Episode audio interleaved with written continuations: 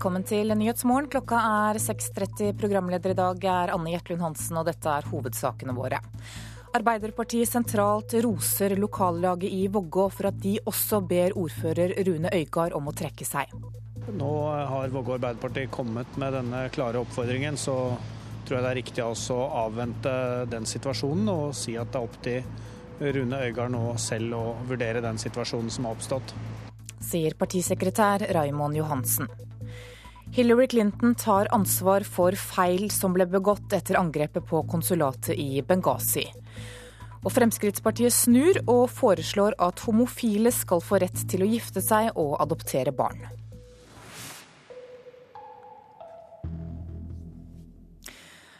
Avgjørelsen til Vågå Arbeiderparti legger et sterkt press på at Rune Øygard faktisk må gå av som ordfører. Det sier partisekretær Raimond Johansen etter at lokalpartiet til Øygard i går gjorde det klart at de ikke lenger har tillit til ordføreren sin. Jeg tror eh, det som ligger bak her ble oppfattet som en eh, meget sterk oppfordring fra Vågå Arbeiderparti.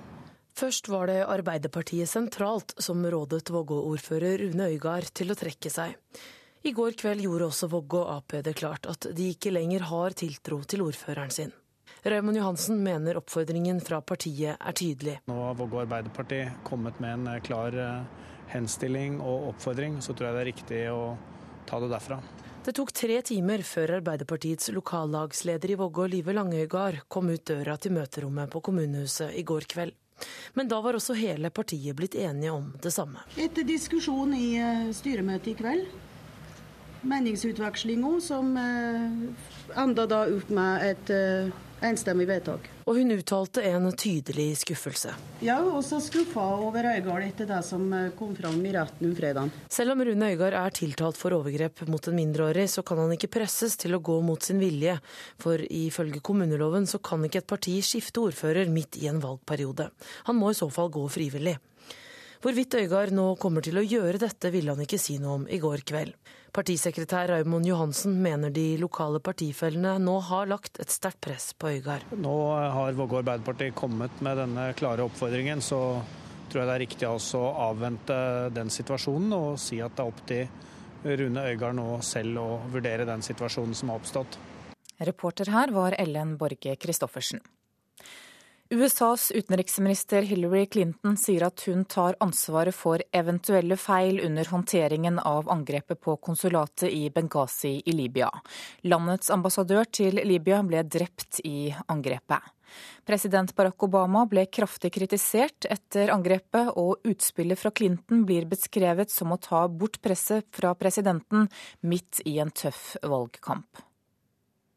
Look, I take responsibility. I'm in charge of the State Department. 60,000 plus people all over the world, 275 posts. Hillary Clinton tar ansvaret for håndtering av åtaket på USAs konsulat i Benghazi i Libya forrige måned. Det sier hun til CNNs Elise Labbott i natt. USAs ambassadør Chris Stevens var blant de drepne, og USA fikk mye kritikk for trygghetshåndteringa i etterkant. You say you don't want to play a blame game, but certainly there's a blame game going on in Washington. In fact, During the presidential debate, Vice President Biden said, We didn't know.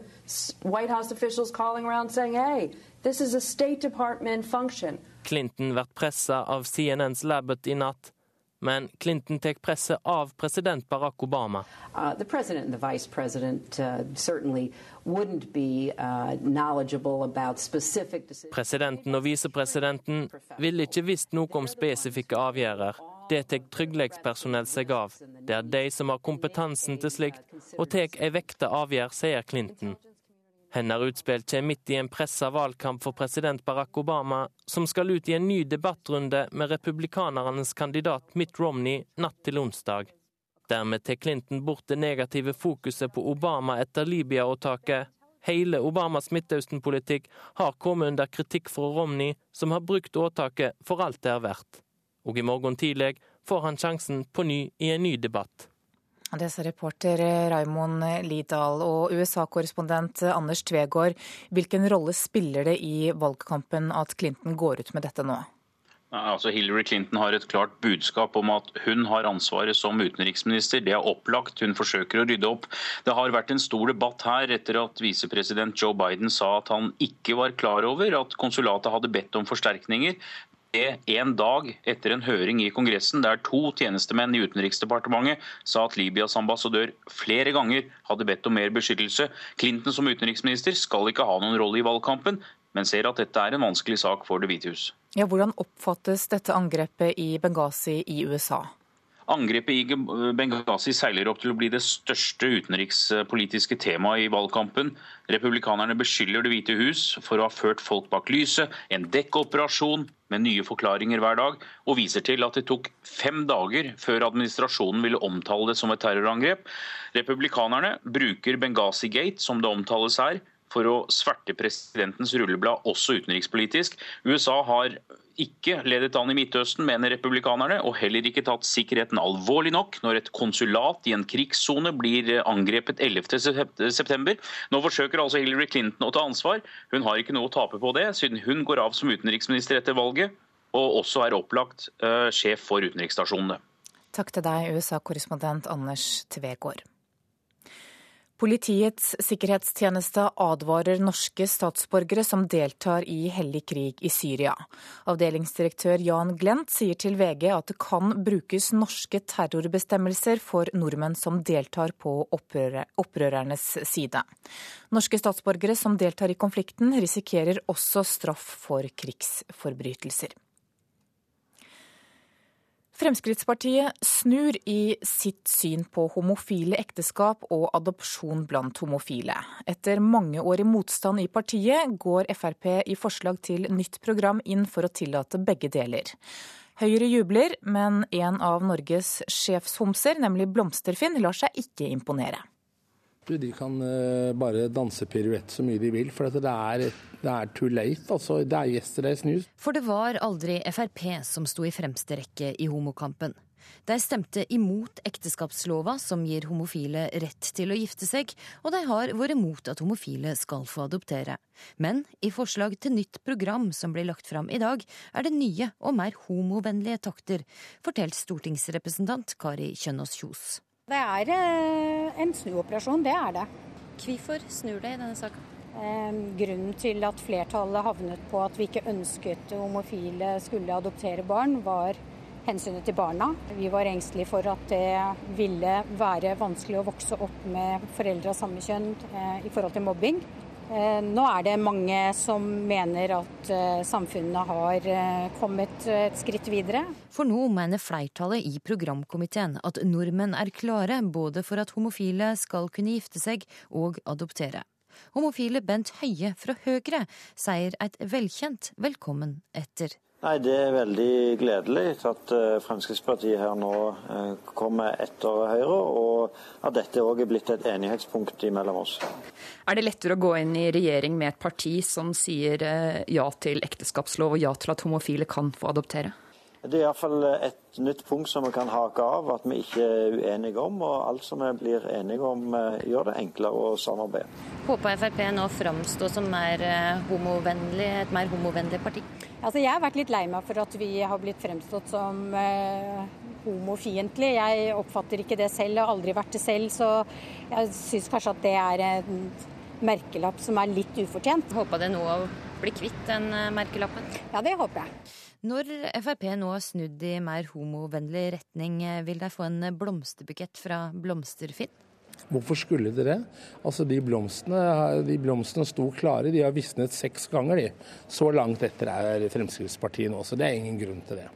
Reporter her var Astrid Randen, og det blir debatt om saken i Politisk kvarter på P2 klokka 7.45.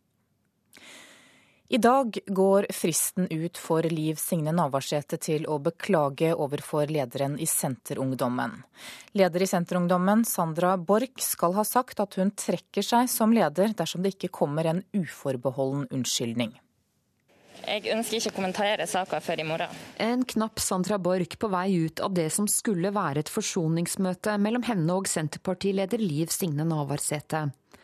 Unnskyldningen alle ventet på etter episoden i september, der Borch ble skjelt ut av Senterpartilederen i en forsamling på 200 mennesker, ville verken Borch eller Navarsete fortelle noe om. Begge viste til sentralstyremøtet som skal avholdes senere i dag. Så sentralstyret får dette som egen sak. Jeg har sett det opp som egen sak eh, på sakskartet. Det betyr at eh, vi har tid og rom for å drøfte dette i sin fulle bredde. Navarsetes vrede mot de som yter henne motstand, har skapt irritasjon i egne kretser. Kilder NRK har snakket med i partiet, uttaler lederstilen med hissige utbrudd er uholdbar. I tillegg kommer karakteristikker som hun lytter ikke og er paranoid opptatt av en lederkamp som ikke eksisterer per i dag. Det ødelegger for partiet. Det er fritt opp til sentralstyret å drøfte det de da måtte ønske å drøfte. Forventer du da støtte fra sentralstyret i det? Det, det blir opp til sentralstyret. Det er usikkert hvor sterke krefter i Senterpartiet som støtter Borchs angrep på Navarsete. Fløyen som er mest kritiske til Navarsetes stil og politiske linje, skal være de samme som gjerne ser Ola Borten Moe i førersetet om noen år. Reporter her var Line Tomter, og Adresseavisen skriver i dag at dårlig samarbeid mellom Ola Borten Moe og partileder Liv Signe Navarsete skal ha vært en av årsakene til at Borten Moe sa nei til gjenvalg til Stortinget skal vi ta en kikk på de andre avisene og se hva de har på forsidene sine i dag. Danmark sliter mens Sverige lykkes etter finanskrisen, skriver Aftenposten.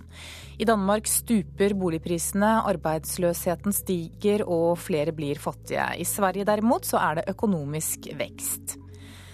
VG skriver om drapet på den 26 år gamle kvinnen i Telemark i går, og ifølge avisa ringte hun politiet mens hun ble bortført. Rettssaken mot Vågå-ordføreren er hovedsaken på Dagbladets forside. Reidun Øygard etter ny tøff dag i retten. Derfor støtter hun fortsatt Rune, kan du lese her. Øygard må tåle hardkjøret, sier presseorganisasjoner og erfarne bistandsadvokater til Dagsavisen i dag. De mener at ordføreren i Vågå må akseptere medietrykket, selv om advokaten hans i går varslet om at presset mot ham nå er i ferd med å bli for stort. Meglerhusenes resultater har stupt med 92% skriver Dagens Næringsliv. 1000 meglerjobber er blitt borte, og analysesjef Pål Ringholm tror det blir verre. Et stort flertall i sentralstyret til Senterpartiet gir sin tillit til Liv Signe Navarsete som partileder, det skriver Nasjonen. Flere sier at de er misfornøyde med at konflikten med Senterungdommen endte i mediene. Bergens Tidende skriver om at en misforståelse kunne endt med eksplosjon etter at et firma begynte å rive et gassanlegg i Rådalen som fortsatt var i bruk. Klassekampen forteller at det har vært en eksplosjon i bruken av vikarer, og mange av vikarene får lav lønn og jobber ekstremt mye overtid.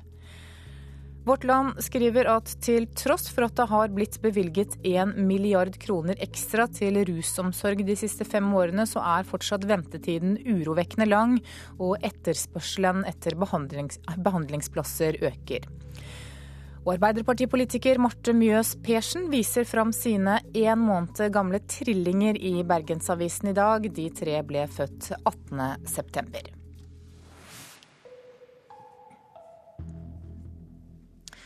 skal vi ha sport. Den kypriotiske landslagssjefen i fotball vil gjøre veien til VM vanskelig for Norge. Selv om Norge er store favoritter, mener Nikos Nioplias at Kypros kan være i stand til å skape problemer på hjemmebane i kveld. Vi går for seier. Klarer vi det, og det tror jeg vi kan, så gjør vi det vanskelig for Norge i resten av kvalifiseringen, sier Nikos Nioplias Θα είναι ένα μάτς δύσκολο που για μένα πιστεύω ότι θα κρυθεί λεπτομέρειες. Kypros er på femteplass på tabellen i gruppe E, ett poeng bak Norge som er på tredjeplass. Spissen Mikael Konstantino har en drøm om seier, og det vil bety at Kypros henger med i kampen om VM-billett. Hvis vi slår Norge er vi nære topplagene, og da kan alt skje, sier Konstantino. Landslagssjef Egil Olsen vet godt at Norge er store favoritter, og vil bli overrasket hvis Kypros tar tre poeng i kveld. Skjer det, er det et stort steg tilbake på veien til Brasil 2014. Vi vet at hvis vi vinner den, så har vi et veldig godt utgangspunkt i 2013. Det ligger veldig mye i potten.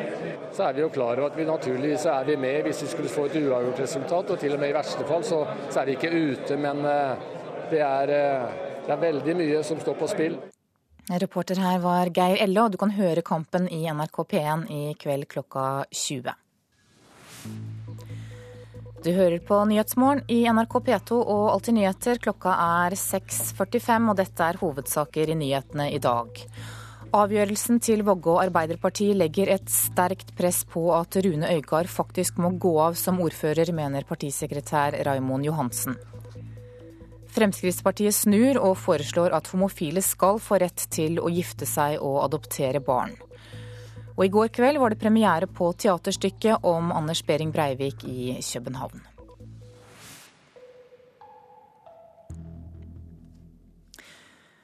Det er ikke etisk forsvarlig med en politikk som gjør at flere barn vokser opp uten biologisk tilknytning til foreldrene sine. Det mener biskopene i Den norske kirke, som i dag vil advare Arbeiderpartiet mot å liberalisere bioteknologiloven. Reporter Håvard Grønli orienterer.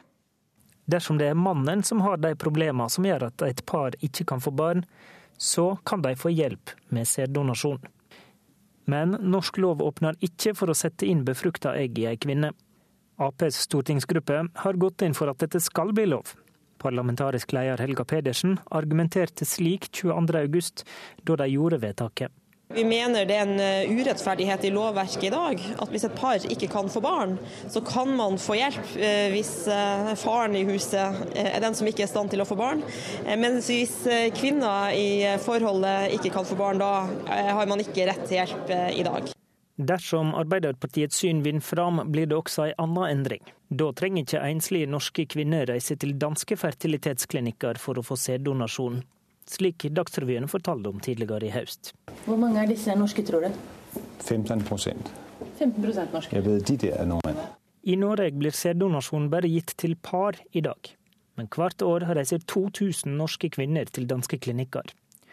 Ap vil nå at kvinner som er alene, skal kunne få sæddonasjon her i landet. I de to andre regjeringspartiene, Sp og SV, er det større skepsis mot å mjuke opp lovverket. Det er altså ikke politisk avgjort om bioteknologilova blir endra på disse punktene. Biskopene i Den norske kyrkja er denne veka samla til bispemøte. De ber Arbeiderpartiet tenke seg godt om. Ja, og Preses i bispemøtet, Helga Haugland Byfuglien, hva er det dere vil advare politikerne mot? Det vi mener det er grunn til å sette et lys på ut fra en etisk refleksjon, det er hvordan er samfunnet med på et vis å, å tilrettelegger og skaper for barn som par ikke kan få på, på naturlig vis. Og når vi nå ser at det ser ut som man går i retning av å justere eller, eller utvide retten gjennom bioteknologiloven, så mener vi at det å gi anledning til at flere barn blir født uten at eh, deres eh, foreldres eh, biologiske foreldres identitet er kjent, er noe som vi må reflektere over etisk.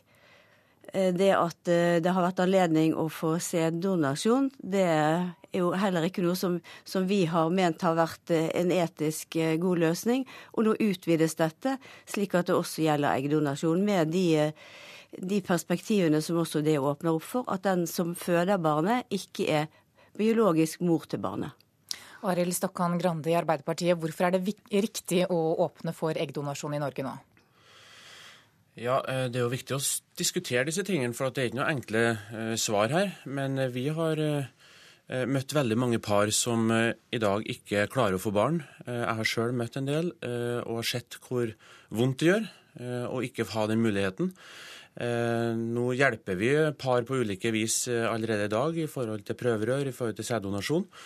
Nå har vi muligheten også til å hjelpe ca. 200 par i året i forhold til eggdonasjon. og Det kan hjelpe oss til å få flere barn i Norge, og at flere kan leve det livet de ønsker. Om dere bruker likestillingsargumenter for å åpne for eggdonasjon, hvorfor det? Jeg synes Det er mange gode argumenter for det. For det første at eh, vi kan få flere barn i Norge. Vi trenger flere barn. Eh, for det andre at vi kan hjelpe flere par. Eh, det er mange som har det vondt med at de ikke har muligheten i dag. En mulighet som vi vil gi dem. Men så er det jo vanskelige spørsmål. Og det er jo bare rett og rimelig at dette diskuteres, også i, i kirka. Men utgangspunktet vårt er at vi gjennom dette har muligheten til å hjelpe mange par, og det, vi vil strekke ut en hånd til dem. Byfuglien eh, Arbeiderpartiet eh, åpner altså for eggdonasjon, men de vil også at enslige kvinner kan få assistert befruktning. Hvordan ser dere på det? Ja, Det er jo et annet perspektiv. Det er at man gir anledning til at, eh, at barn får én kjent foreldre, også enslige. Det er jo med på å understreke og gjøre at vi stiller spørsmål ved dette retten til å få barn. Og det er jo ikke slik at eh, vi i Kirken ikke har forståelse for at det for mange smerte knyttet til det å ikke få barn. Men vi mener altså at dette ikke bare handler om å voksnes ønske om å få barn, men det handler også om å reflektere over hva dette betyr for de barna som gjennom dette blir født. Og det handler ikke om eh, om eh, likestilling etter, etter mitt skjønn, men dette handler om å ta på alvor at når vi eh, bidrar til å, å, skape barn på denne måten, så har vi iallfall som samfunn eh, all grunn til å drøfte dette og ta den nødvendige tiden til det. Og det gleder meg å høre at, at min meddebattant eller motdebattant her legger også vekten på å ta nødvendig tid, for dette er vanskelige avgjørelser og viktige avgjørelser. Og jeg har jo lagt merke til at eh, det også har vært brukt som et argument at dette handler om, om at nå er vi modne for det. Jeg er usikker på om det er et godt argument inn i denne sammenhengen, for jeg tror veldig mange opplever at dette er i alle fall ikke debattert nok i, i ulike deler av samfunnet vårt og i offentligheten. Ja da, og Det er viktig med store diskusjoner rundt det her, fordi at vi får en rekke spørsmål vi må ta stilling til i tida framover, som er krevende for oss som mennesker å, eh, å, forholde seg til. Eh, men når vi har sagt ja til eggdonasjon, så er det med utgangspunkt i at eh, vi har en mulighet til å hjelpe flere til å få barn. Norge trenger flere barn, og vi vil bidra så godt vi kan der. Eh, så er det jo viktig at Kirka diskuterer det her, men det er jo mange problemer som hverdagsmennesker eh, møter i dag i forhold til å håndtere livet, som jeg skulle ønske at Kirka var mer offensiv på, i stedet for å utelukkende legge seg på en linje hvor man kjemper mot en utvikling som egentlig bare er positiv, eh, som handler om å få flere barn, at flere får muligheten til å leve det livet de ønsker. Sånn at jeg håper at det også kan komme inn i debatten når Kirka skal diskutere disse tingene.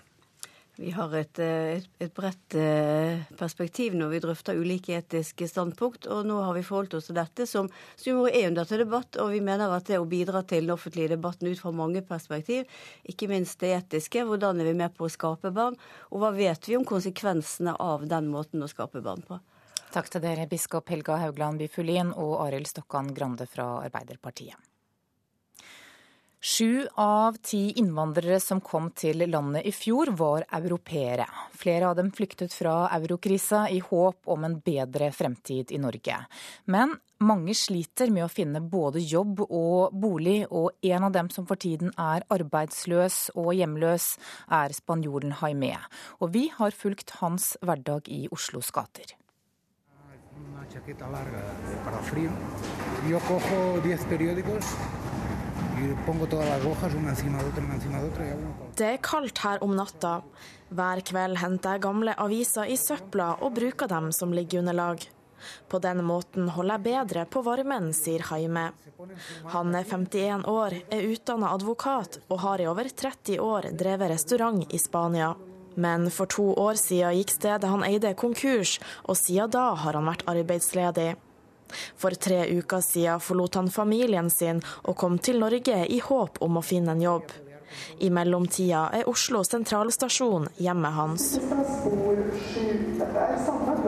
Fra togstasjonen går turen videre til Den norske opera. Denne gangen skal han ikke på forestilling, han skal vaske klær.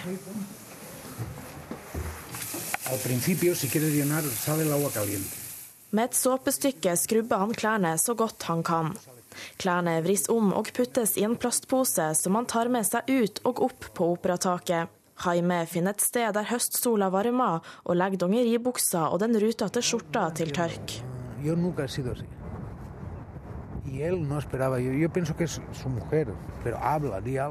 Han forteller om en venn som lovte å hjelpe han med både arbeid og bolig i Norge.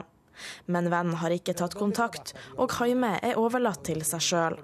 Han er likevel fast bestemt på å ikke gi opp drømmen om et liv i Norge. En gang i uka går han på gratis norskkurs i regi av organisasjonen Caritas. Selv om språket er vanskelig, skal jeg gjøre mitt beste, sier han, og gjør seg klar til en time med norsk grammatikk. Dei, kai, mai. Ja, du kan høre mer om Haime på Her og nå på P1 fra klokka 17 i ettermiddag. Reporter her var Katrine Humberseth.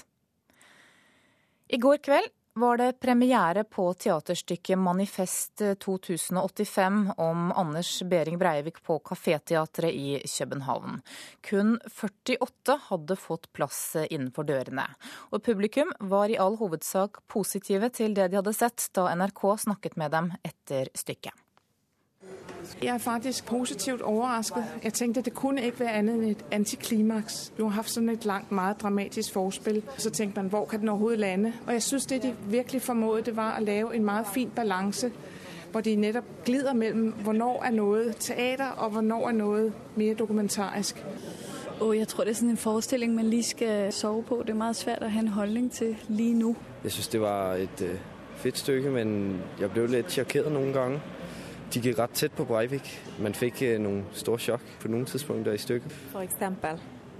Når der lige plutselig kom skuddlyd og andre høye effekter, eksplosjoner, på plutselige tidspunkter hvor man ikke hadde regnet med det.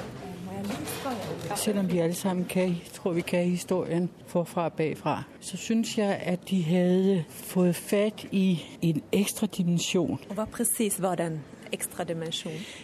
Det var at man ikke kan bruke en problematisk barndom som unnskyldning for noe som helst. Det var at han er en utålelig, bedrevidende, rasistisk politisk kennestøper. I oppsettinga spiller Olav Høygård en skuespiller som frester for Stå Breivik. Mange var imponerte av denne tolkninga og effekten. Det er jo en fantastisk skuespillerinnsats. Det er uhørt uh, tvära også mellom skuespillerens egne kommentarer og uh, når han går inn i rollen og forvandles, så å si.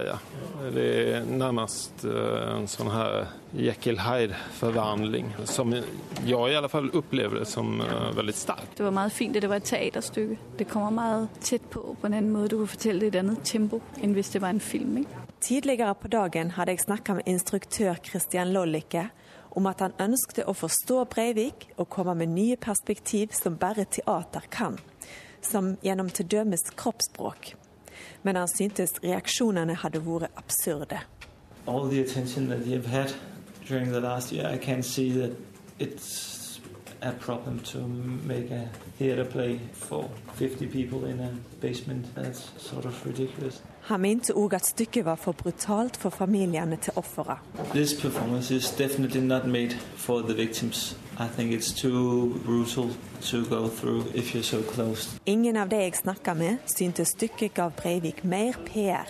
Heller tvert imot. Altså, jeg syns at de har balansert teksten og intensjonene og prestasjonen så flott. Det er ikke noen der etter å ha sett denne forestillingen kan si at han har fått ekstra PR, for det har han ikke. Reporter her var Tove Gerhardsen.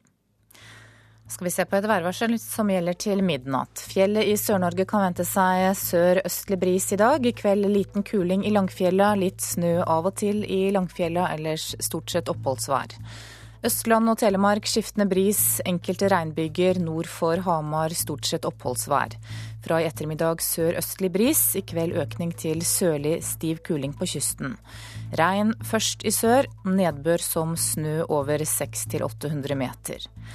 Agder skiftende bris, enkelte regnbyger. Fra i ettermiddag østlig frisk bris utsatte steder. På kysten av Vest-Agder økning til stiv kuling. I kveld sørlig stiv kuling på kysten. Regn og nedbør som snø over 600-800 meter. Rogaland sørøstlig frisk bris utsatte steder, litt regn. Fra i ettermiddag østlig liten kuling, stiv kuling i sør. I kveld dreiende sørøst og regn. Hordaland sørøstlig frisk bris, stort sett oppholdsvær. I kveld østlig liten kuling, litt regn først i sør. Sogn og Fjordane og Møre og Romsdal øst og sørøst periodevis frisk bris utsatte steder, stort sett oppholdsvær, i nord for det meste pent vær. Trøndelag østlig frisk bris utsatte steder, oppholdsvær og perioder med sol. Nordland østlig bris, spredte regnbyger i Lofoten og Vesterålen først på dagen, ellers delvis skyet oppholdsvær. Troms litt regn i nord, ellers stort sett oppholdsvær. Vest-Finnmark med vidda, nordlig frisk bris på kysten, senere vestlig bris, enkelte regnbyger på vidda oppholdsvær. Og Nordensjøland på Spitsbergen østlig bris, oppholdsvær og i kveld litt snø i øst.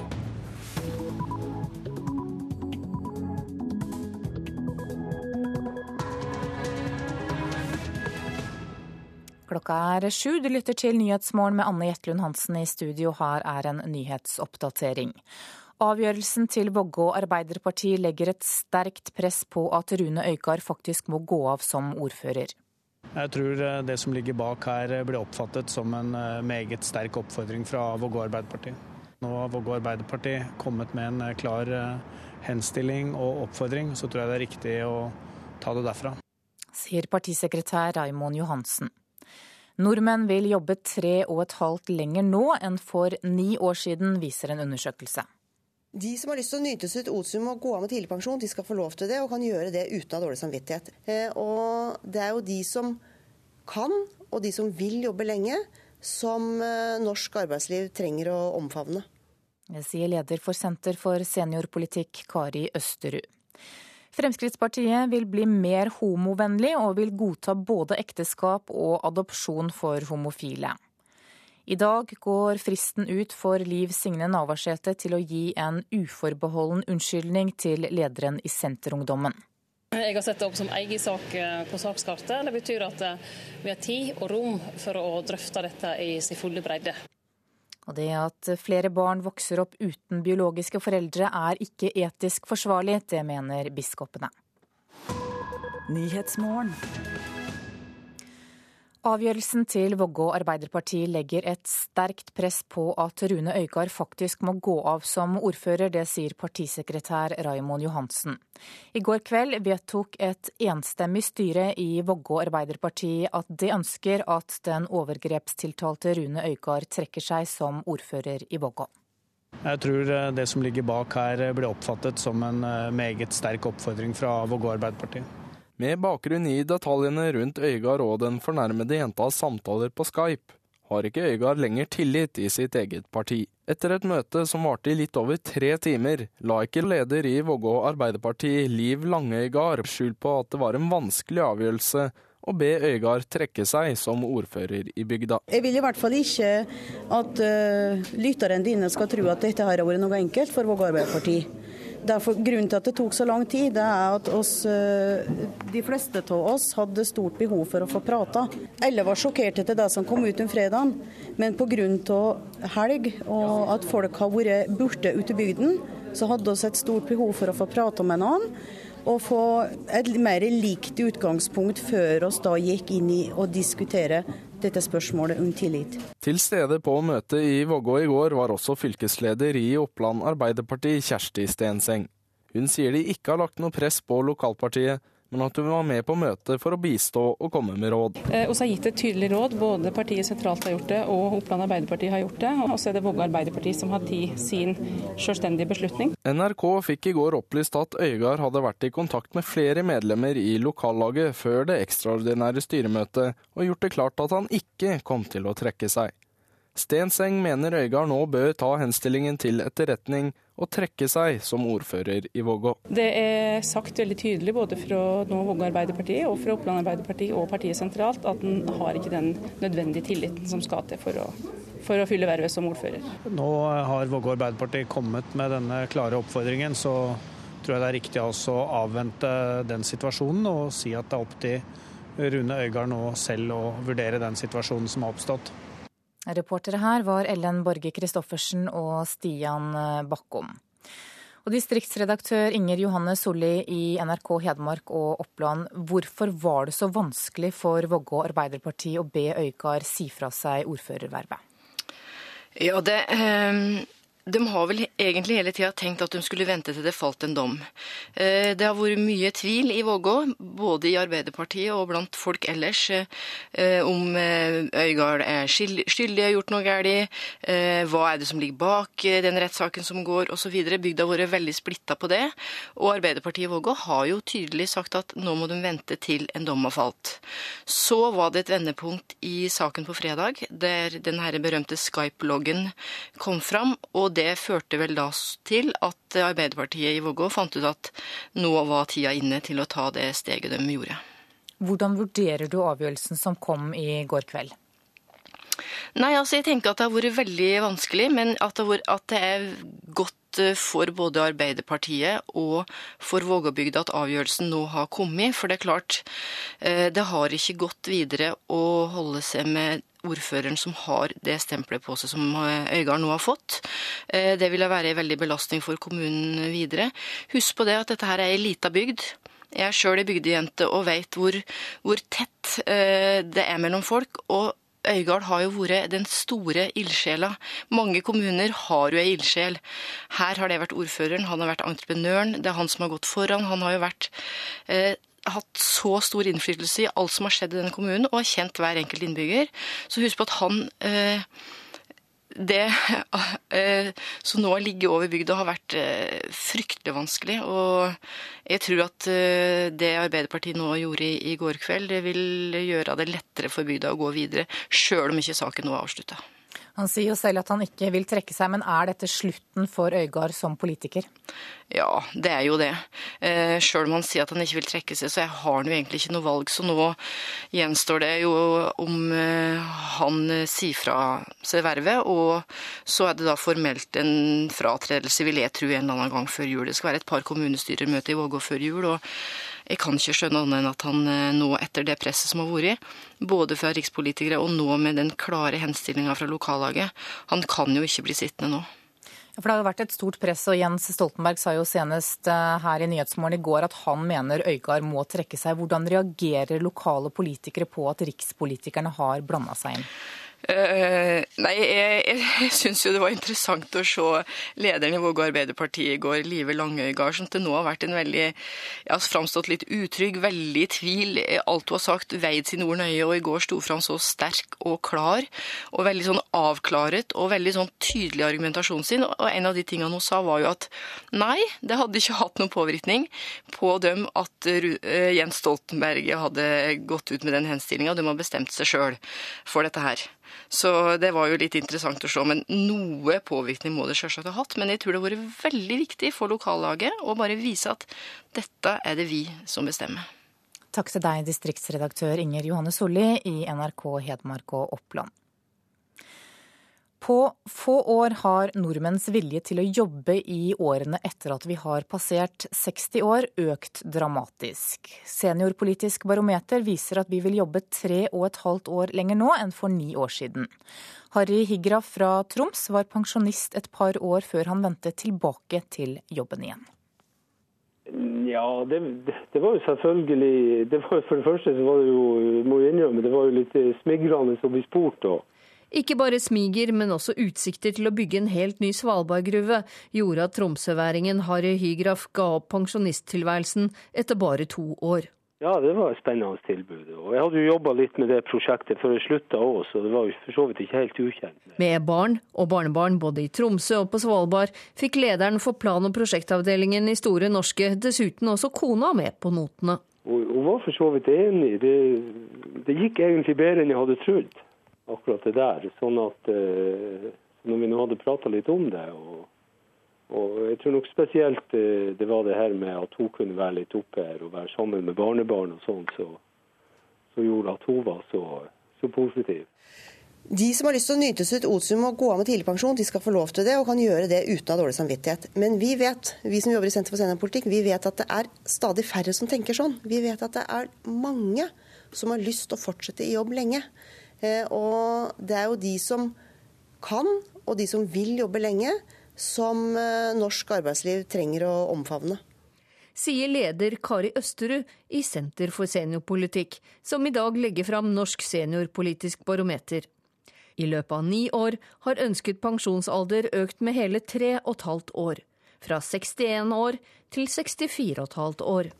Ledere har fått stadig mer positive holdninger til eldre arbeidstakere. Men også de eldre arbeidstakerne selv har fått en annen holdning til det å jobbe lenge.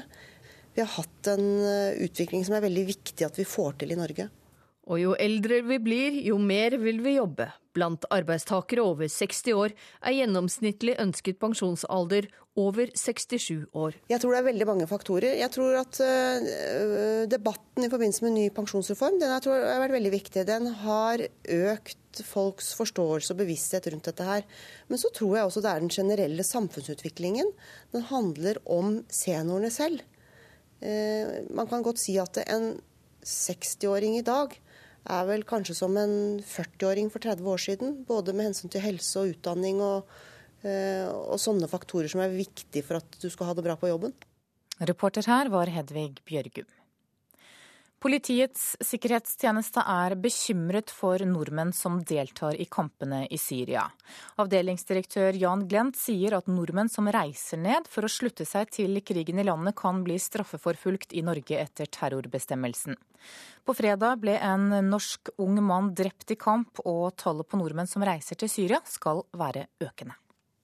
Avdelingsdirektør Jan Glent i PST sender ei klar advaring til miljøet som deltar i hellig krig i Syria.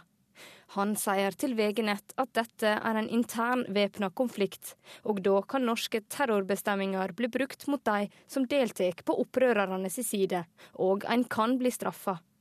Men han understreker at norske statsborgere som deltar på begge sider av konflikten, kan straffes for krigslovbrudd. Politiets tryggingstjeneste er òg uroa for at disse nordmennene skal komme tilbake som tikkende bomber. Fredag ble det kjent at en ung norsk mann ble drepen under kamper i Aleppo-området. Og mandag kom det fram at en kjent radikal islamist òg har slutta seg til opprørerne. Antall nordmenn som reiser til Syria skal være økende, men PST har ennå ikke tatt standpunkt til om opprøret i Syria er legitimt eller ikke. Og det sa reporter Katrine Nybø. Fremskrittspartiet snur i sitt syn på homofile ekteskap og adopsjon blant homofile. Etter mange år i motstand i partiet, så går partiet i forslag til nytt program inn for å tillate begge deler. Vi har snudd fordi samfunnet har endret seg, sier stortingsrepresentant Kari Kjønaas Kjos. Det er eh, en snuoperasjon, det er det. Hvorfor snur det i denne saken? Grunnen til at flertallet havnet på at vi ikke ønsket homofile skulle adoptere barn, var hensynet til barna. Vi var engstelige for at det ville være vanskelig å vokse opp med foreldre av samme kjønn eh, i forhold til mobbing. Eh, nå er det mange som mener at eh, samfunnet har kommet et skritt videre. For nå mener flertallet i programkomiteen at nordmenn er klare både for at homofile skal kunne gifte seg og adoptere. Reporter her var Astrid Randen. Klokka er 7.13. Du hører på Nyhetsmorgen i NRK P2. Dette er hovedsaker i dag.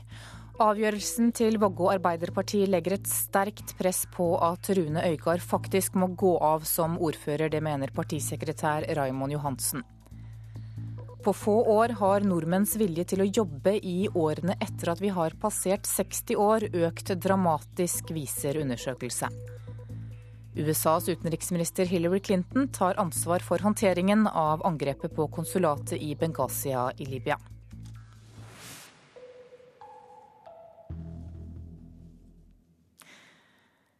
Regjeringen skjerper kampen mot mennesker som vil ta seg inn i landet ved hjelp av falske papirer. Eksperter på forfalskning av identiteter reiser nå rundt for å hjelpe både lokalt politi og norske ambassader for å ta svindlerne. Dette er blitt et viktig grep i kampen mot kriminalitet, sier seniorrådgiver Camilla Dahlin ved det nye Senteret for ID-kunnskap. Det er mange som eh, kommer til Norge som har kriminelle hensikter, og som kommer hit med falsk identitet, og som ønsker å utnytte vårt system. Det skal de ikke få lov til, og for å avsløre dem har regjeringen opprettet en liten spesialgruppe på 35 som holder til i nyoppussede lokaler i Oslo sentrum. Senter for ID-kunnskap er navnet, og hovedoppgaven er denne Gå ut og lær opp landets politifolk og vårt ambassadepersonell verden rundt, slik at de blir bedre til å avsløre ID-synderne. Seks politidistrikter har allerede fått undervisning av ID-granskerne, som også har undervist utenrikstjenesten i Manila, Ankara, Damaskus, Aten og Beijing. Og tilbakemeldingene er gode, sier Dalin. De fleste syns det er veldig morsomt å sitte og jobbe med falske dokumenter, ekte dokumenter, sjekke dem i lupe eller med UV-lys, og se hvordan eh, et ekte og et falskt dokument skal være, og prøve å finne det falske dokumentet i en bunke med ekte. Hvordan er kunnskapen om dette? Ja, Det er eh, varierende. Det finnes jo spesialister i alle politidistrikt som kan veldig mye. Eh, men en vanlig person som sitter i en skranke, har kanskje begrenset kunnskap. og blir veldig fornøyd med å få ekstra kurs. Eh, nå er vi inne på dokumentlaboratoriet. Dokumentgransker Per Haddal viser oss rundt i laboratoriet, der bl.a. nye dokumentgranskere skal læres opp. Her er alt moderne utstyr som skal til, med tanke på bestråling, belysning og forstørrelse. Vi avslører forsøk på endring av f.eks. variabel informasjon i dokumentene, eh, endring av bildet Ehm, vi avslører totalfalske dokumenter, altså hvor man har produsert dokumentene fra, fra bunnen av. Ehm, og vi kan også avsløre noen tilfeller av eh, uautorisert utstedelse av dokumenter, altså bruk av stjålne blankodokumenter. Sist uke ble det kjent at tallet på utviste fra Norge er tredoblet de siste ti årene. Og stadig flere blir utvist fordi de kommer hit med falsk ID. Heretter vil det bli enda flere, sier Dalin. Ja, Det må vi jo håpe. Vi jobber jo for å gjøre alle de andre bedre. Så vi satser på at det skal, skal gi utslag. Reporter her var Hans Jørgen Solli. Dokumentgransker Per Haddal ved Senter for ID-kunnskap, vi hørte deg i reportasjen her, og nå er du med oss i studio. Med 20 års erfaring som dokumentgransker, kan du fortelle hvordan går de fram, de som forfalsker dokumenter? Ja, her ser vi hele spekteret fra de som eh, med enkle hjelpemiddel på kjøkkenbordet bytter ut bildet i passet, eh, til eh, de som med ved hjelp av produk profesjonelt produksjonsutstyr, tilgang på f.eks. sikkerhetspapir og sikkerhetselement som brukes i ekte dokument, produserer i stor skala. Så vi har hele, hele skalaen. Hvis vi skal ta det første først, da, la oss si at det kommer en til Norge etter å ha fikset passet sitt eh, selv hjemme. Hvor enkelt er det å avsløre vedkommende? Eh, ja, I de tilfellene så vil det som oftest være mange tekniske spor som indikerer at noe er galt. Eh, men det som er forutsetningen for å avsløre det, er at den som skal kontrollere, vet hva man skal se etter. Ja, hva skal man se etter? Ja, det er alltid et godt utgangspunkt å kjenne det ekte dokumentet og vite hva som er, hva som er referansen. Når man gjør det, så, så, blir neste oppgave å gå løs på de delene av dokumentet som man mener har en mening å endre på. F.eks. personalia, informasjon, eh, datoer. Eh, det kan være stempel i passet for å forandre på en reiserute, skjule bevis osv. Og så er det, som du sa, den mer avanserte formen for forfalskning. Hvordan skjer det? Eh, det skjer jo i uh, mye større skala og i, gjerne organisert. Der man har tilgang til utstyr som, som er tilnærma ekte, altså som produserer og tilnærma ekte, ekte dokument. Og der, I de tilfellene er det å, kan det være vanskelig å avsløre en forfalskning i en rask førstelinjekontroll. Men fordelen for oss som skal kontrollere, er jo at uh, de profesjonelle forfalskningene ofte er laga i store opplag. Slik at når en, et eksemplar blir oppdaga et sted i verden, så vil uh, fagmiljøet i løpet av relativt kort tid kjenne til at denne typen eksisterer. Kan vi snakke om en eh, mafia her, om, om bakmenn som tjener store penger? Ja, det kan vi. Eh, det er ingen tvil om at, eh, at falske dokument er kriminalitet i stor skala. Og det er representert i, i de aller fleste, aller fleste kriminalitetstyper. og vi snakker veldig store penger. Takk til deg, dokumentgransker Per Haddal ved Senter for ID-kunnskap. Radovan Karadzic starter sitt forsvar i Haag i dag. Den tidligere krigsherren og politikeren har siden 2008 stått tiltalt for krigsforbrytelser begått gjennom krigene på Balkan på 90-tallet. Amerikanske og franske arbeidere demonstrerte i natt utenfor kontorene til selskapet Bain Capital, som ble, ble, grunnlagt av republikanernes presidentkandidat Mitt Romney. Rundt 60 mennesker beskyldte firmaet for å ha tatt jobbene deres og flyttet dem til Kina. USAs utenriksminister Hillary Clinton påtar seg ansvaret for eventuelle feil under håndteringen av angrepet på konsulatet i Benghazi i Libya. Hun sa dette til fjernsynskanalen CNN under et besøk i Peru. Clintons uttalelse oppfattes som et forsøk på å beskytte president Obama foran valget, ettersom han har fått hard kritikk for håndteringen av dette angrepet, som Obama først antok var en protest mot en islamkritisk videosnutt. Siden det har det kommet fram at eh, angrepet var planlagt, og at Al Qaida tilknyttede islamister sto bak. Og i natt så er det duket for den andre debatten mellom president Barack Obama og utfordrer Mitt Romney. Obama må slå tilbake etter en mislykket debatt for to uker siden. Og det får han kanskje sjansen til også. Debatten vil bli holdt i en mer intim setting ved Hofstra-universitetet i Long Island utenfor New York. Publikum skal få mulighet til å stille spørsmål, og kandidatene får to minutter på å svare. Korrespondent Anders Tvegård forteller hva slags debattform dette egentlig er. Ja, Dette er et uh, tradisjonelt konsept der velgerne får eh, stille spørsmål. Det er rundt 80 registrerte velgere som får innpass. De er plukket ut av et meningsmålingsinstitutt. Og de som har billetter, har ennå ikke bestemt seg for hvilken kandidat de skal stemme på. Halvannen time er satt av. Dette er direkte fjernsyn og med store forventninger, siden presidenten, som han selv har sagt, hadde en skuffende og dårlig opptreden sist. Og debatten følges med spesielt stor interesse, ikke bare fordi Mitt Romney fikk vind i seilene etter forrige duell, men også fordi dette er et format som henvender seg direkte til velgerne. Det er en programleder som eh, velger spørsmålene og temaene blant de innsendte forslagene. De er altså levert inn på forhånd. Her ligger alle temaer på bordet, og ingen vet, bortsett fra programlederen, hvilke ti-tolv spørsmål som de uavhengige velgerne vil stille. Hvem er best rustet til å gjøre en god figur her? Ja, president Obama har jo vært vant til å henvende seg direkte til velgerne gjennom uh, fire år. og Mitt Romney er av uh, Obama-kampanjen karikert som en mann som ikke uh, klarer å ha kontakt med vanlige folk. Så her kan det komme overraskelser fra begge sider. Romney fikk vist seg sist fra en side flertallet av amerikanerne ikke hadde sett, og han fikk full uttelling for det.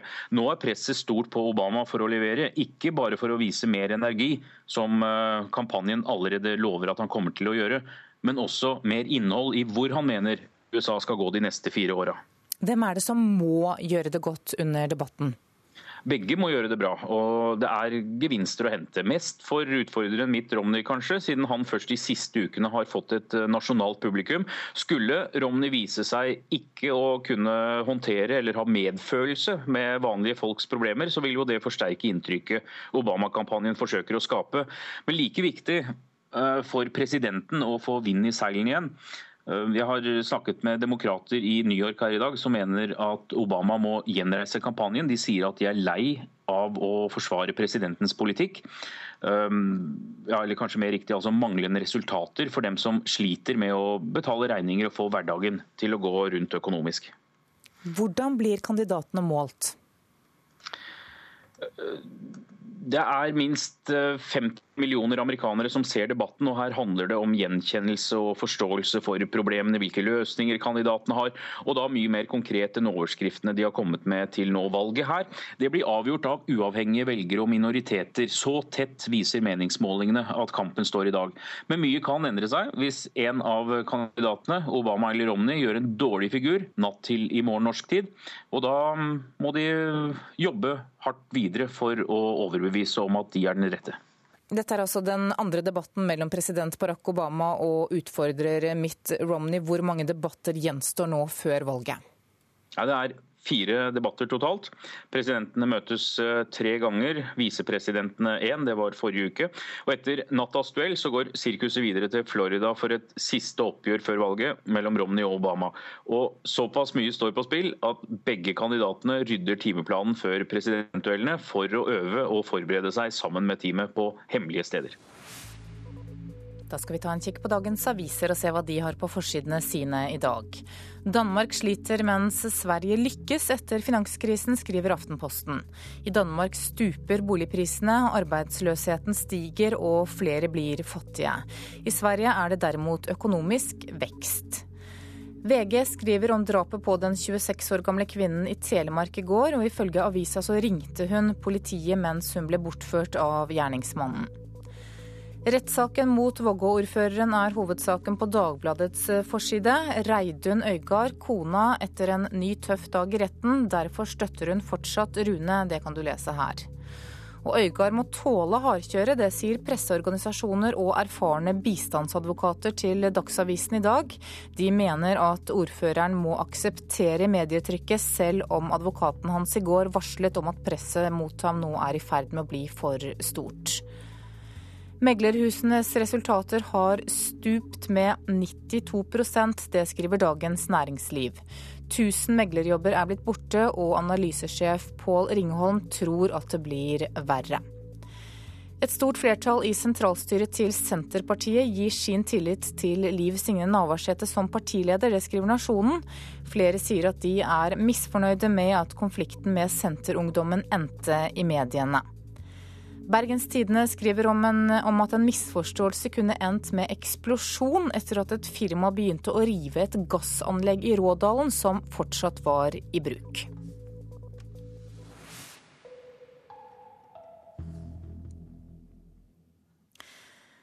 Helse Stavangers kontor for legemiddelassistert rehabilitering måtte stenge i går. Årsaken er at en person truet med å drepe de ansatte. Et nytt regelverk fra 2010 som gjør det enklere for rusmisbrukere å få Subutex og Metadon selv om de også bruker andre stoffer, fører til at det nå kommer flere trusler mot hjelpeapparatet. Jeg begynte å sniffe i ungdommen på eh, Lynol. Og så begynte jeg å røyke hasj i 72. Da kosta det 14 kroner grammet. Tore er en rusmisbruker med lang fartstid fra Stavanger. Jeg har jo gått på kjøret, så jeg har jo brukt heroin. Jeg begynte med det sånn i, i 79. Og så var det jo av og på, så var det ut inn av fengsler og 17 dommer og bla, bla, bla. Tar det opp, alt dette her nå? Vi står ut forbi et rosa hus ved Breiavatnet midt i Stavanger sentrum. Det er her selve utdelinga av Subutex og Metadon foregår i byen. Det som blir kalt LAR, altså legemiddelassistert rehabilitering, for de som har gått på tunge narkotiske stoff. Tidligere var det svært strenge regler for å kunne delta. Brukere opplevde å bli kasta ut av programmet dersom de ikke holdt seg vekk fra andre stoff enn Subutex og Metadon, som de fikk utdelt. Jeg kommer snart til å bli satt på halve dose, for at jeg har ikke klart å holde meg vekk fra barien. Men etter regelendringene i hele landet fra 2010, så har dette blitt mjuka opp. Resultatet er mer trusler mot ansatte i LAR-systemet, sier leder i Helse Stavanger sitt LAR-kontor, Ingvar Bjørheim. Og i går fikk de ansatte der oppleve det på kroppen. I dag har vi fått eh, beskjed om at det er en pasient som har framsatt trusler mot eh, meg og andre ansatte i Medar Helse Stavanger.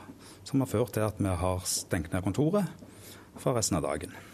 Og Hvordan var det disse truslene arta det var trusler om å skyte meg og andre som jobber ved LAR. Oppmjuking av regelverket betyr større aksept for at rusmisbrukerne innenfor LAR-systemet kan bruke andre narkotiske stoff i tillegg, forteller Bjørheim. Hvis jeg skal oppsummere de årene som har vært nå fra 2006, 2007, 2008 og fram til i dag, så har andelen med aktiv rus økt fra en pluss 20% til nå opp imot, opp imot 50 Resultatet av det er flere rusmisbrukere som får i seg flere medikamenter og stoff, og da blir de også til tider mer aggressive, sier Bjørheim. Det som skjer i forhold til denne gruppa som nå er i aktiv rus, og som det blir lite tiltak rundt, er jo at de blir en del av det gatebilde, som stopper opp i rehabiliteringa si, og som nødvendigvis ikke får den behandlinga de har behov for. Og som i Stavanger i går førte til at kontoret måtte stenges, og de ansatte måtte dra hjem. Dette er vi nødt for å ta alvorlig.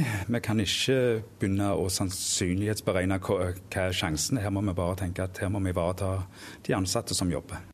Reporter her, det var Ingvald Nordmark. Du hører på Nyhetsmorgen. Den neste halvtimen blir det nå først Dagsnytt 7.30 ved Ragnhild Bjørge. Og bråket i Senterpartiet er tema i Politisk kvarter klokka 7.45. Produsent i dag Ulf Tannes Fjell, og her i studio Anne Jetlund Hansen.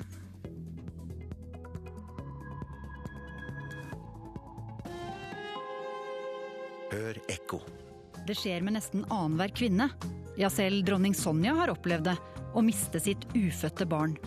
Da bloggeren Susanne fortalte om sin spontanabort, eksploderte det på nett. Hvorfor er noe så vanlig så vanskelig å snakke om? Ekko 9 11 i NRK P2.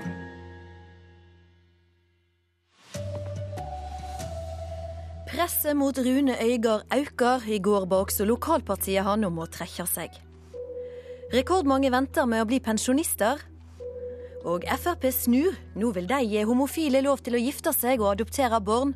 For seint, sier Blomsterfinn. De kan uh, bare danse piruett så mye de vil, for det er, det er too late. Altså, det er yesterday's news. Her er NRK Dagsnytt klokka 7.30. At Vågå Arbeiderparti ber Rune Øygard trekke seg som ordfører, gjør at presset mot han øker. Det sier partisekretær i Arbeiderpartiet Raimond Johansen. I går kveld gjorde lokallaget til Øygard det klart at de ikke lenger har tillit til ordføreren sin. Jeg tror eh, det som ligger bak her blir oppfattet som en eh, meget sterk oppfordring fra Vågå Arbeiderparti. Først var det Arbeiderpartiet sentralt som rådet Vågå-ordfører Rune Øygard til å trekke seg. I går kveld gjorde også Vågå Ap det klart at de ikke lenger har tiltro til ordføreren sin. Raymond Johansen mener oppfordringen fra partiet er tydelig. Nå har Vågå Arbeiderparti kommet med en klar henstilling og oppfordring, så tror jeg det er riktig å ta det derfra. Det tok tre timer før Arbeiderpartiets lokallagsleder i Vågå, Live Langøygard, kom ut døra til møterommet på kommunehuset i går kveld. Men da var også hele partiet blitt enige om det samme. Etter diskusjon i styremøtet i kveld meningsutvekslinga som eh, enda da opp med et eh, enstemmig vedtak. Og hun uttalte en tydelig skuffelse. Ja, også skuffa over Øygard etter det som eh, kom fram i retten om fredag. Selv om Rune Øygard er tiltalt for overgrep mot en mindreårig, så kan han ikke presses til å gå mot sin vilje. For ifølge kommuneloven så kan ikke et parti skifte ordfører midt i en valgperiode. Han må i så fall gå frivillig. Hvorvidt Øygard nå kommer til å gjøre dette, ville han ikke si noe om i går kveld. Reporter Ellen Borge Christoffersen. Og avgjørelsen i går kveld er viktig for lokalsamfunnet. Det sier distriktsredaktør Inger Johanne Solli i NRK Hedmark og Oppland. Det er godt for både Arbeiderpartiet og for Vågabygda at avgjørelsen nå har kommet. For det er klart, det har ikke gått videre å holde seg med ordføreren som har det stempelet på seg som Øygard nå har fått. Det vil være en veldig belastning for kommunen videre. Husk på det at dette her er ei lita bygd. Jeg er sjøl ei bygdejente og vet hvor, hvor tett det er mellom folk. og Øygard har jo vært den store ildsjela. Mange kommuner har jo ei ildsjel. Her har det vært ordføreren, han har vært entreprenøren, det er han som har gått foran. Han har jo vært eh, hatt så stor innflytelse i alt som har skjedd i denne kommunen, og har kjent hver enkelt innbygger. Det eh, som nå ligger over bygda, har vært eh, fryktelig vanskelig. Og jeg tror at eh, det Arbeiderpartiet nå gjorde i, i går kveld, det vil gjøre det lettere for bygda å gå videre, sjøl om ikke saken nå er avslutta. På få år har viljen til å jobbe utover i 60-åra økt enormt mellom nordmenn. Seniorpolitisk barometer viser at folk vil jobbe tre og et halvt år lenger før de har vært pensjonister enn de ville for ni år siden. Harry Higraf fra Troms var pensjonist et par år før han vendte tilbake til jobben. Ja, det, det, var jo selvfølgelig det var, For det første så var det jo, må jeg innrømme, det var jo litt smigrende å bli spurt. og ikke bare smiger, men også utsikter til å bygge en helt ny svalbardgruve gjorde at tromsøværingen Harry Hygraf ga opp pensjonisttilværelsen etter bare to år. Så etter to år så var det en forespørsel igjen fra Store Norske på om jeg kunne tenke meg å komme tilbake og, lede arbeidet med planlegging av den nye gruva. Det er i Lunkefjell, så i nærheten av Svea, altså 60 km sør for Longyearbyen. Ja, det var et spennende tilbud. Og det er jo de som kan, og de som vil jobbe lenge, som eh, norsk arbeidsliv trenger å omfavne. Sier leder Kari Østerud i Senter for seniorpolitikk, som i dag legger fram Norsk seniorpolitisk barometer. I løpet av ni år har ønsket pensjonsalder økt med hele tre og et halvt år. Fra 61 år til 64,5 år.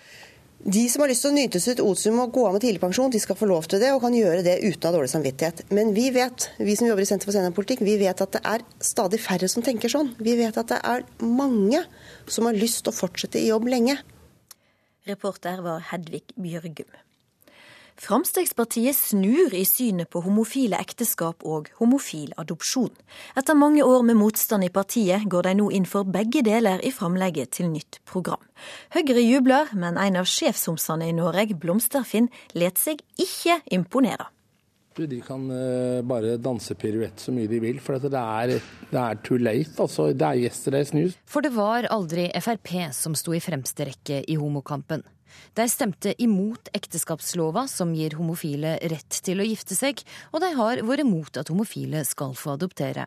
Men i forslag til nytt program som blir lagt fram i dag, er det nye og mer homovennlige takter, fortalte stortingsrepresentant Kari Kjønaas Kjos. Det er eh, en snuoperasjon, det er det. Hvorfor snur det i denne saken? Eh, grunnen til at flertallet havnet på at vi ikke ønsket homofile skulle adoptere barn, var hensynet til barna. Vi var engstelige for at det ville være vanskelig å vokse opp med foreldre av samme kjønn eh, i forhold til mobbing. Eh, nå er det mange som mener at eh, samfunnet har kommet et skritt videre. For nå mener flertallet i programkomiteen at nordmenn er klare både for at homofile skal kunne gifte seg og adoptere.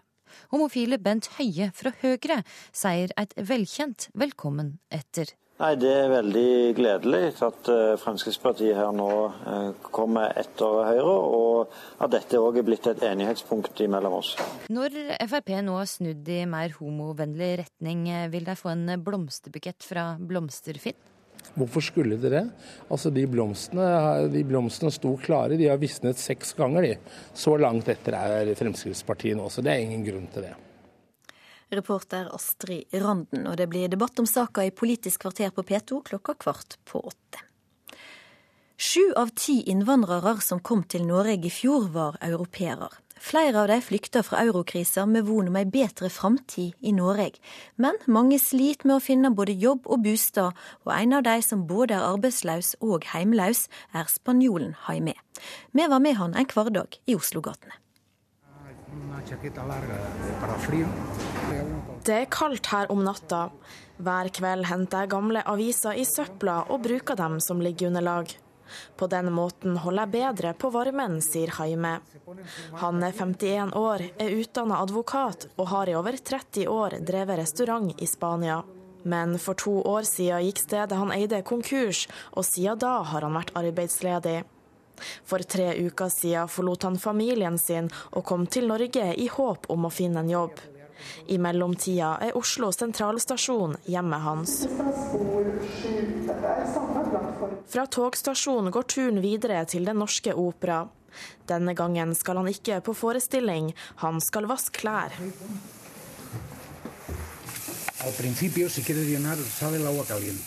Med et såpestykke skrubber han klærne så godt han kan.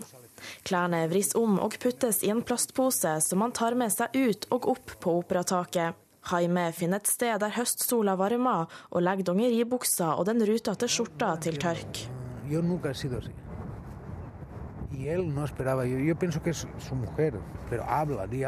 Han forteller om en venn som lovte å hjelpe han med både arbeid og bolig i Norge.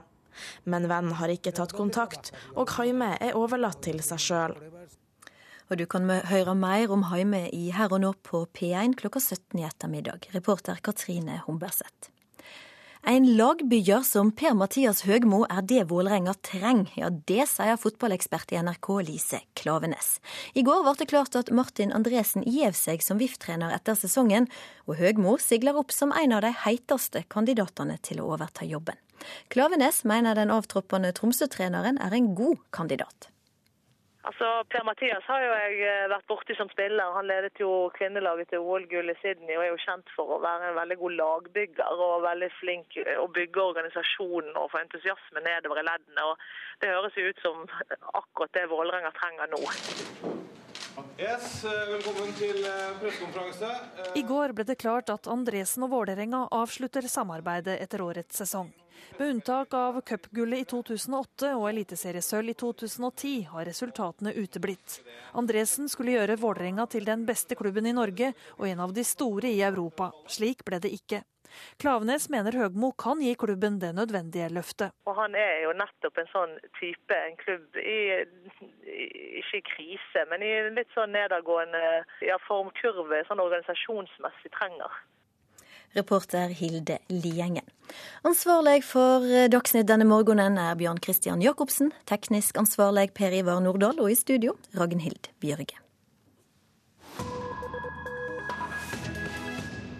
Det er klokka 7.40 og Nyhetsmorgen fortsetter. Om tre uker, tirsdag 6. november, er det presidentvalg i USA. Og det blir på mange måter en folkeavstemning over president Barack Obamas fire år som president. Men hva Obama har lykkes og mislykkes med, avhenger av øynene som ser.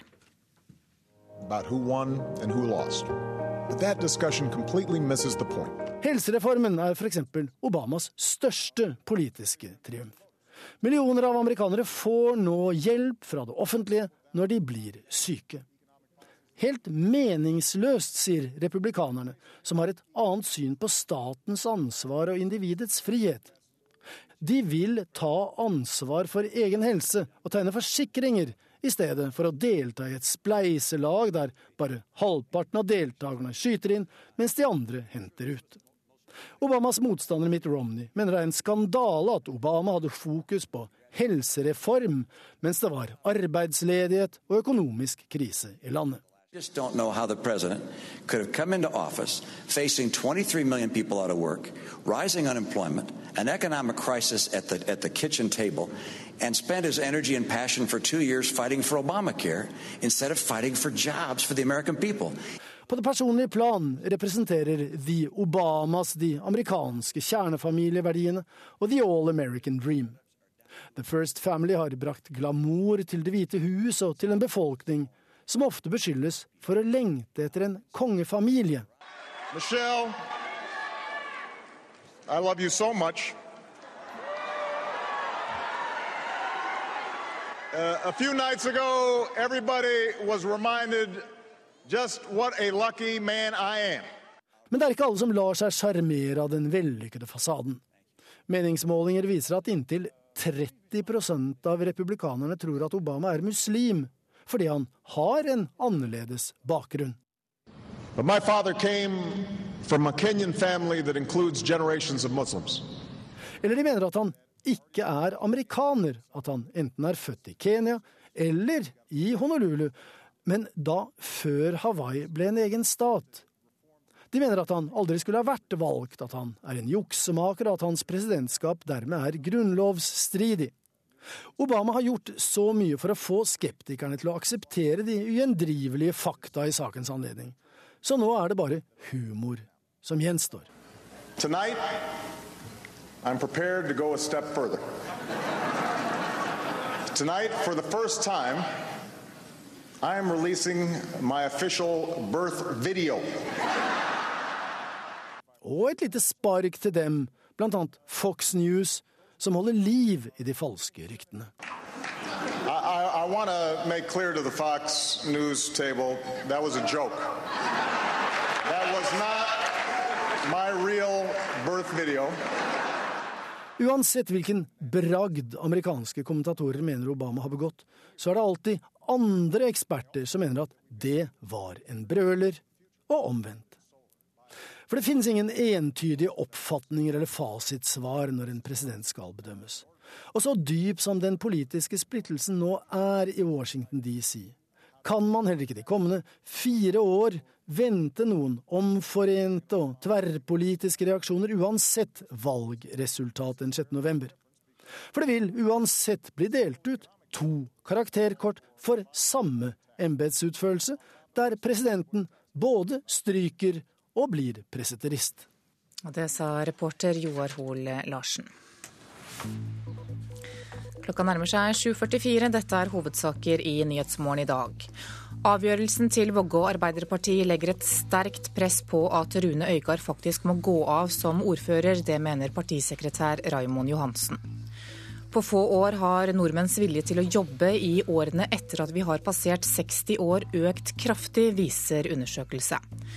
Og regjeringen skjerper kampen mot mennesker som vil ta seg inn i landet ved hjelp av falske papirer. Og I dag så må Senterpartileder Liv Signe Navarsete forsvare sin lederstil for sentralstyret. Og for Bjørn Myklebust, programleder for Politisk kvarter, det ble ingen forsoning i går. Nei, og hun som ble skjelt ut, ungdomsleder Sandra Borch, har varslet flere avsløringer i dag.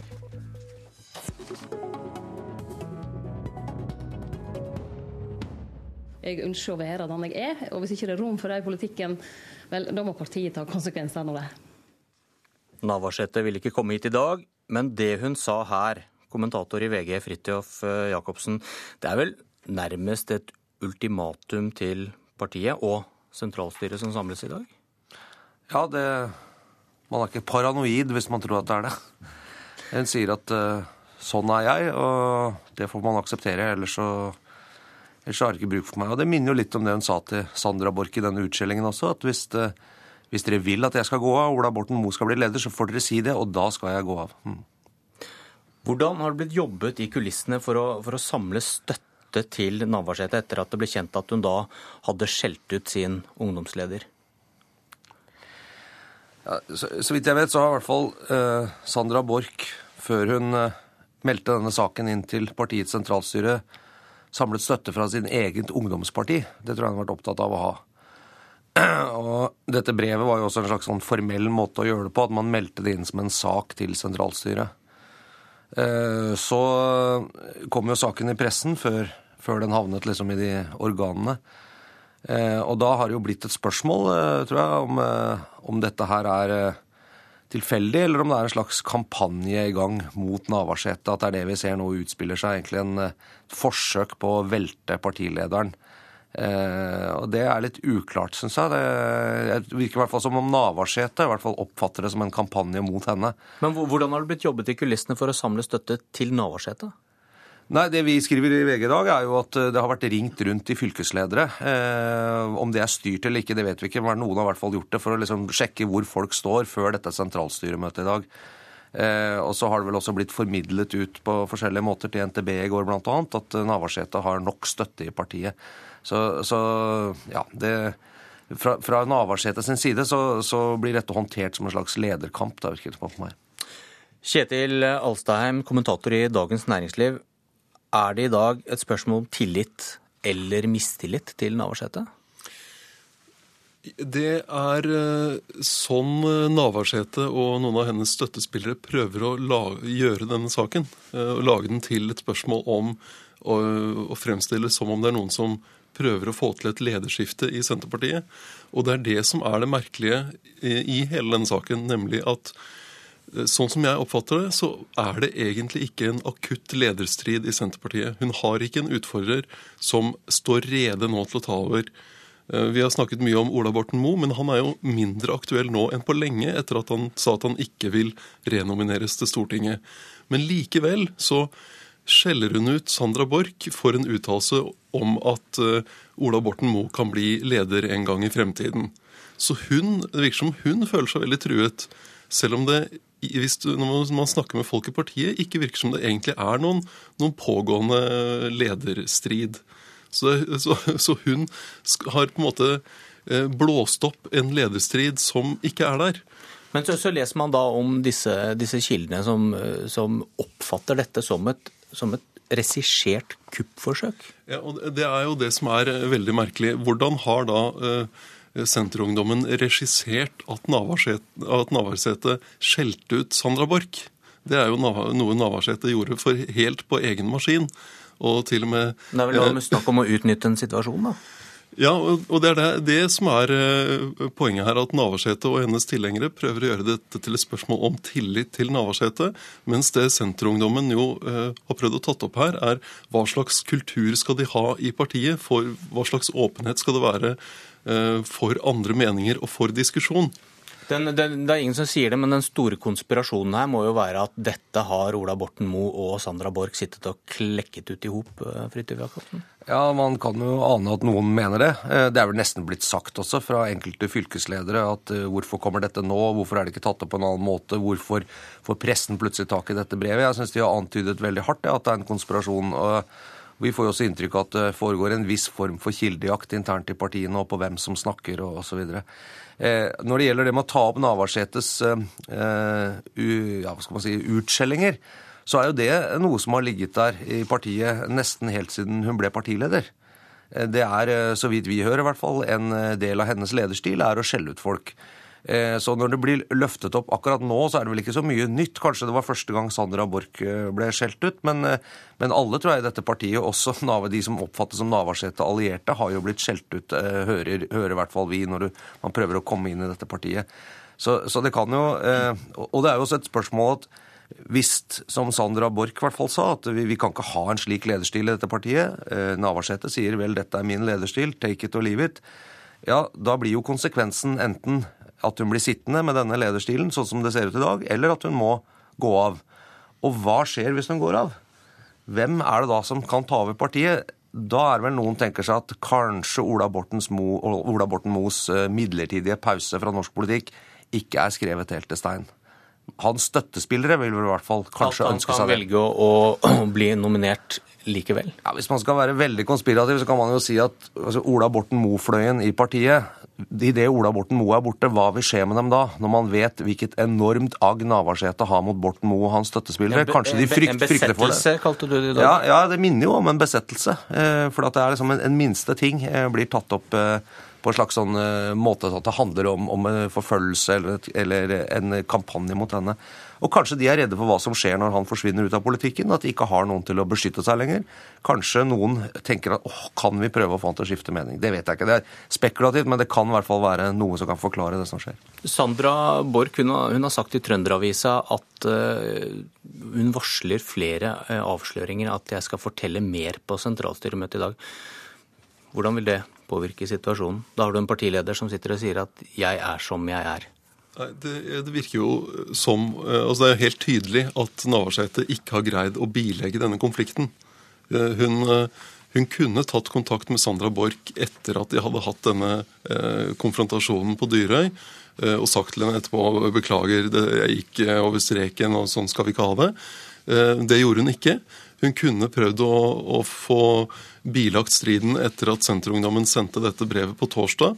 Men i stedet kommer hun med først en ikke-beklagelse, og så en nesten-beklagelse, men samtidig med dette ultimatumet som vi hørte her på starten, nemlig at hvis hun ikke får lov til å skjelle ut folk innimellom, så gidder hun ikke være med lenger.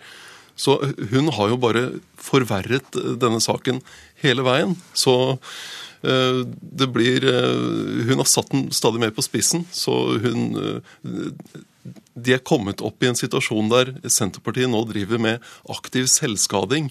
Og det er jo ekstremt skadelig for et parti som ligger så dårlig an på meningsmålingene, og som trenger å skape entusiasme eh, blant sine tillitsvalgte og nedover i organisasjonen. Om hun ryker nå eller senere, vet jeg ikke, men det kommer til å ryke.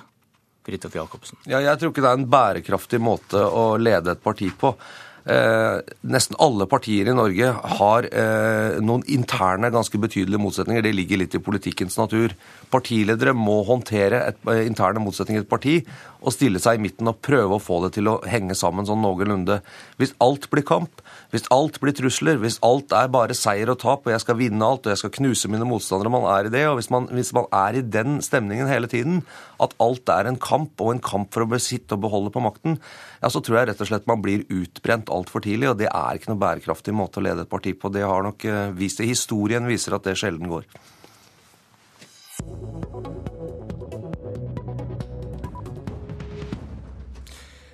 Fremskrittspartiet kan komme til å snu og si ja til at homofile får adoptere barn og få gifte seg. Stortingsrepresentant Kari Kjønaas Kjos, hvorfor snur flertallet i programkomiteen nå? Det har jo vært en debatt som har gått i partiet gjennom flere år. Jeg har vært eh, noen i partiet som har vært veldig for, noen som har vært veldig imot. og mange som har uh, vært, syns det har vært en vanskelig sak og hatt problemer med å bestemme seg. Flertallet falt jo ned på å være imot ekteskapsloven, den nye.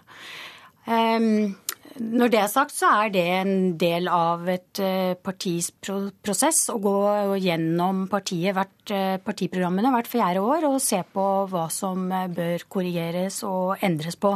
Men hva har skjedd på fire år som gjør at man nå sier ja til at homofile skal få adoptere barn?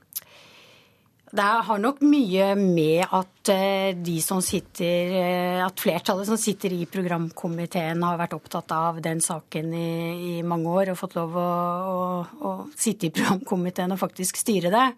Men eh, samtidig så er det sånn at vi ser nå at det å være åpne homofile er en mye greiere sak for, eh, for alle parter i dag enn det var for bare få år siden. På hvilken måte? Kan du dokumentere det? Ja, altså, Nei, jeg har ikke noen dokumentasjon på det. Men, eh, men, det blir jo sagt av de homofile selv at det er enklere å stå fram eh, i dag, og det er enklere å leve eh, selv om de føler at de blir diskriminert og, og til dels mobbet også fortsatt. Så, så, er det på en måte en, en greiere sak i dag enn for få år siden. Eh, når Fremskrittspartiet var veldig opptatt av dette med adopsjon, så handlet jo det hele tiden om barns beste. Eh, og vi mente at barn som har vært utsatt for omsorgssvikt og overgrep, trenger å komme til en familie som det ikke er noe annerledes ved. Sånn at man eh, skulle oppleve så normale forhold som mulig. Eh, og det hadde jo ikke noe med omsorgsevnene å gjøre, og det handler ikke om hva voksne mennesker ønsker seg, men det handler om hva som var best for barna. Dagrun Eriksen, nestleder i Kristelig Folkeparti. Dere kan ha mistet en alliert. Ja, altså, eh, Det som jeg er enig med Fremskrittspartiet, er at dette er en vanskelig sak. Det som jeg kanskje blir litt forundra over, det er argumentasjonsrekka til Fremskrittspartiet. Fordi at det, eh, det å stå i litt sånne vanskelige saker og prøve å tenke prinsipielt, som KrF har prøvd i denne saken, eh, det handler ikke om popularitet eller andre ting, eller en, en, en, redsel for. For oss har det vært en sånn grunnleggende holdning til at eh, et barn har rett til en mor og en far. Det handler både i forhold til adopsjon og det handler i forhold til surrogati. Og så vidt jeg kan se, nå har ikke jeg fått lese dette programforslaget som blir lagt fram, men, men så vidt jeg kan se, så har man heller ikke noen grenseoppganger i forhold til det. Og da Eh, blir det for meg at det har vært et litt sånn popularitetsstandpunkt. Det var, det var, kanskje litt mer populært å være mot dette før, nå er det ikke lenger det. det er jo ikke det hun sier. Hun sier at det har noe med mobbing og aksept å gjøre? Ja, at det er mer akseptert i samfunnet nå å gå for dette standpunktet enn det det har vært før. For, eller at barna ikke blir plaget? Eller at barna ikke blir plaget. Og det, det, jo, det kan vi jo ikke vite. Eh, men det har ikke vært det som har vært avgjørende for oss. For oss har det vært å tenke enda litt mer prinsipielt. Nemlig med at det er et barn har rett i barnekonvensjonen til en mor og en far. Og Det betyr jo ikke at barn som vokser opp hos homofile kan ha en god oppvekst, men det betyr noe hva er det vi som lovverk, hva er det samfunnet skal sette opp som det viktigste for oss, og hvordan skal vi ha det som en grunnholdning til hvordan familie blir lagd. Og Det kommer til å være en viktig sak også for KrF framover. Kjos. Ja, eh, Dagrun er opptatt av at alle barn skal ha en mor og en far. Og så vet vi at det er veldig, veldig veldig mange barn som vokser opp hos bare en mor eller bare en far. Sånn er samfunnet. Og det er barn som får mye trygghet og mye omsorg og har det bra. Og jeg tenker at et barn som vokser opp med én mamma og har det godt, kan ha det enda bedre sammen med to mammaer. Samfunnet vårt er ikke uh, laget lenger for mamma og pappa og barn. Vi må se på, følge den utviklingen som er i samfunnet, og akseptere at vi endrer oss. Og det er det vi har gjort. Og det handler ikke om å ha løse prinsipper eller gjøre enkle løsninger. Dette har vært en veldig, veldig vanskelig sak for oss. Det er, ingen som betviler at det å vokse opp med en, en, mor eller to mødre eller to fedre ikke vil gi en god oppvekst. Spørsmålet er hva vi som samfunn skal ha som norm, og hva vi skal ha som en grunnleggende lovgivning. Og da mener vi at vi ikke kan være med på å lage lover som i utgangspunktet fratar barn en rett til en mor og en far. Det vil være et viktig prinsipp eh, for KrF i denne saken fremover. Det er et vanskelig prinsipp, fordi vi beveger oss i saker som handler om mye smerte. Men det er et prinsipp som allikevel KrF mener at det er viktig at vi klarer å stå for framover. Og vi registrerer nå at Fremskrittspartiet ikke vil være en allianse i den saken fremover. Og nå blir, nå blir, det vanskeligere å få gjort noe med dette, Dagrun Eriksen, når dere mister Frp som alliert? Ja, det vil det bli vanskeligere å få gjort noe med. Eh, men jeg tror at for KrF så har dette vært et så grunnleggende prinsipp eh, at vi kommer til å fortsette å stå på, og i hvert fall være en stemme som sier noe om barns rettigheter i denne saken. Og dere kan kanskje skremme noen kristne velgere i fanget på Dagrun Eriksen? Ja, jeg vet ikke hvordan eh, dette blir mottatt. Dette er programkomiteens forslag, og nå skal det ut på høring, og det skal vedtas på landsmøtet, så vi får se hva vi ender opp med. Kari Kjønaas Kjos, Dagrun Eriksen, takk for at dere var med i Politisk kvarter. Jeg heter Bjørn Myklebust. Nå fortsetter straks Nyhetsmorgen.